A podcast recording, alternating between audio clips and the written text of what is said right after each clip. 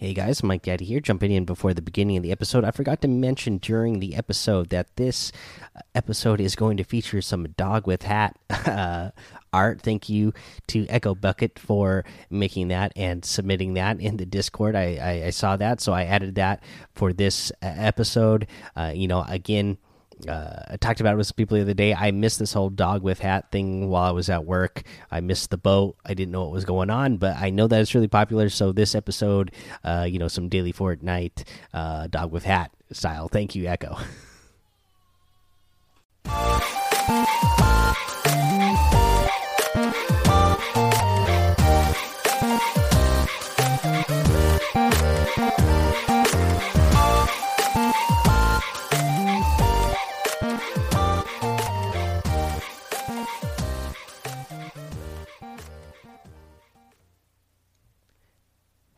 Welcome back to another episode of Daily Fortnite, your daily podcast about Fortnite. I'm your host, Mikey, aka Mike Daddy, aka Magnificent Mikey. Uh, again, just reminding you, you know, we got Winterfest going on. Open those presents if you didn't open them yet. Uh, while we have Winterfest going on, we also have the drum gun on vaulted today. So the community at large should be pretty happy about that. We've had this one voted on in the past uh, to be uh, unvaulted by the community, so uh, you would think this would be one people are excited about today. Uh, so that's fun. Uh, the LTM today is high explosive squads, so you know, oh, you know, it it's not my favorite mode uh, not my favorite LTM, but you know what? When I play it, I always have fun, uh, just because it's fun to have explosive weapons. It's just not the most uh, competitive of all the modes, but uh, you know, it, it's it's a good, silly, fun time. I think. Uh, for our challenge.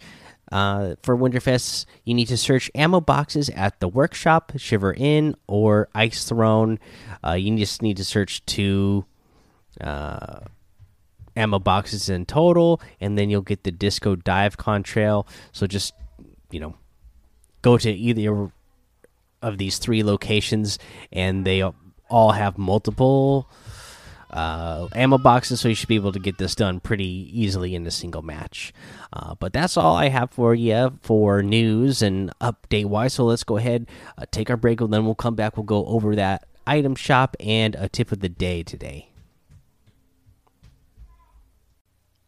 All right, let's take a look at today's item shop. We got some new items in here. We have the Arc Arctica outfit overcoming the frozen cliffs. This is all part of the new Polar Ace set.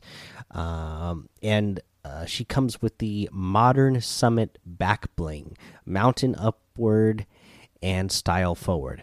And the outfit, you know, she's got on her, you know, snow climbing gear, and it's like all silver uh, sleek. She's got on a black beanie, big purple goggles. She's got kind of like that pink, like very light pink hair. Uh, pretty, you know. Uh, these are actually uh the outfits that I like. You know, a lot of these ones are.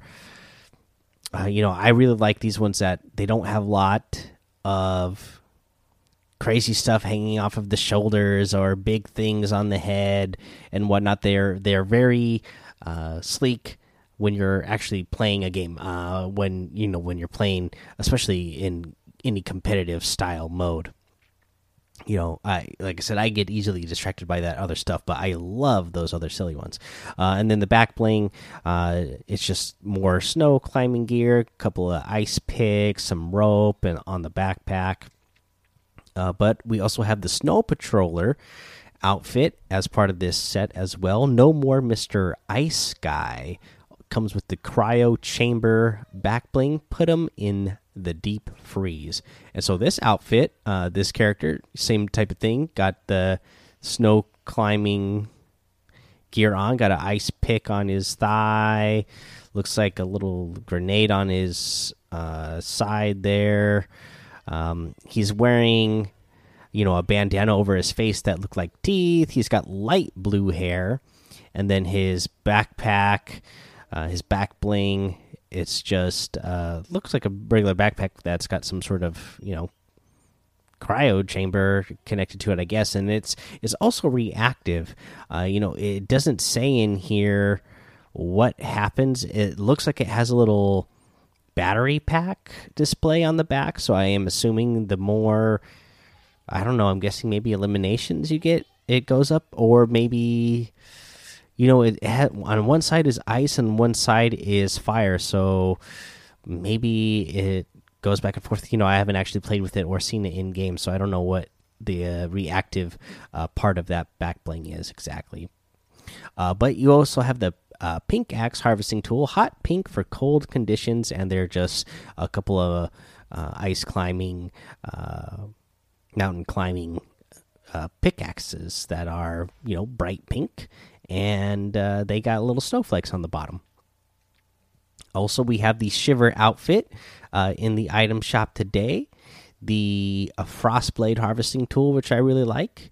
Uh, you know, and again, like uh, you know, like I was just saying, so this Shiver outfit, you know, I really like the way this one looks too. But it's also, you know, again, it has those big horns on the top, and sometimes those distract me a little bit. Also, same thing with this was one of my other outfits that came out last year. Uh, the Krampus outfit, absolutely love this, uh, but a little bit distracting. But I do love this outfit. Uh, you know, I got it when it first came out originally. Got that Brat catcher harvesting tool and Krampus's little helper glider. DJ Bop outfit still in here today. The Scorpion outfit, one of my favorites. The slow clap emote, rainy days music, the hitchhiker emote, the pizza party emote, the Darkfire bundle, Polar Legends pack, and Wavebreaker starter pack, all in the item shop using code Mike Daddy M M M I K E D A D D Y. If you use that, it'll help support the show.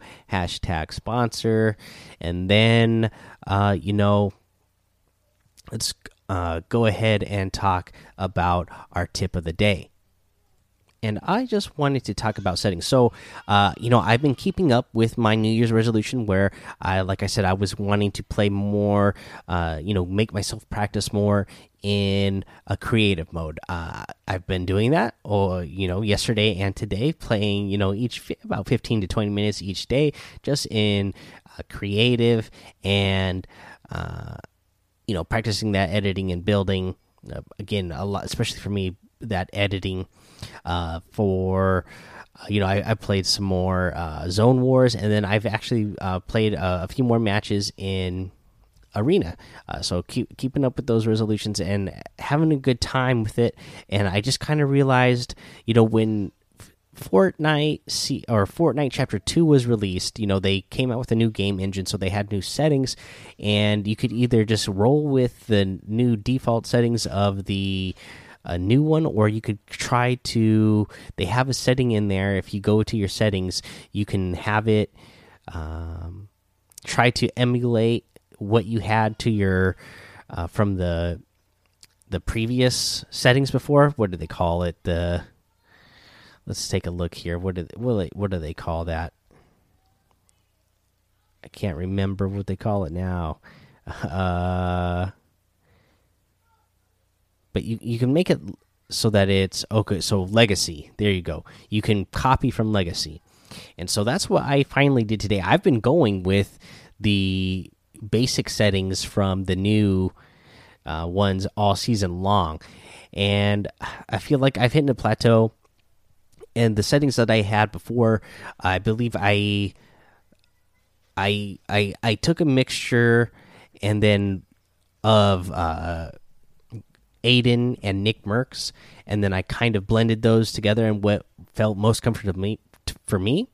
And so I'm I'm trying to go back to those settings. So that's what I I would suggest you do. Uh, go through your settings and just you know really see what it is. You know, look through everything, and uh, you know try to adjust it to you know anything that you can find. Like so and here's the other thing that i i didn't have before right? I didn't have the uh confirm edit on release. I i changed that today. And it's taking a little bit of getting used to but uh you know even just playing the little bit of time that i did in creative today i was starting to get it down it started to feel natural uh, so the more and more I practice in that, it's going to feel better. Uh, even uh, changing my settings back to the legacy settings at first, like uh, I didn't realize how much slower the new basic default settings were. Uh, so like at this point, when I was looking around, I was like, "Oh my gosh!" Like my character is spinning around so fast. But after just a few matches, it already started to feel normal again, and I already saw some improvement from my game. So go ahead, look at your settings. It should be something that you look at every once in a great while, anyways, just to see if there's anything that you need to adjust.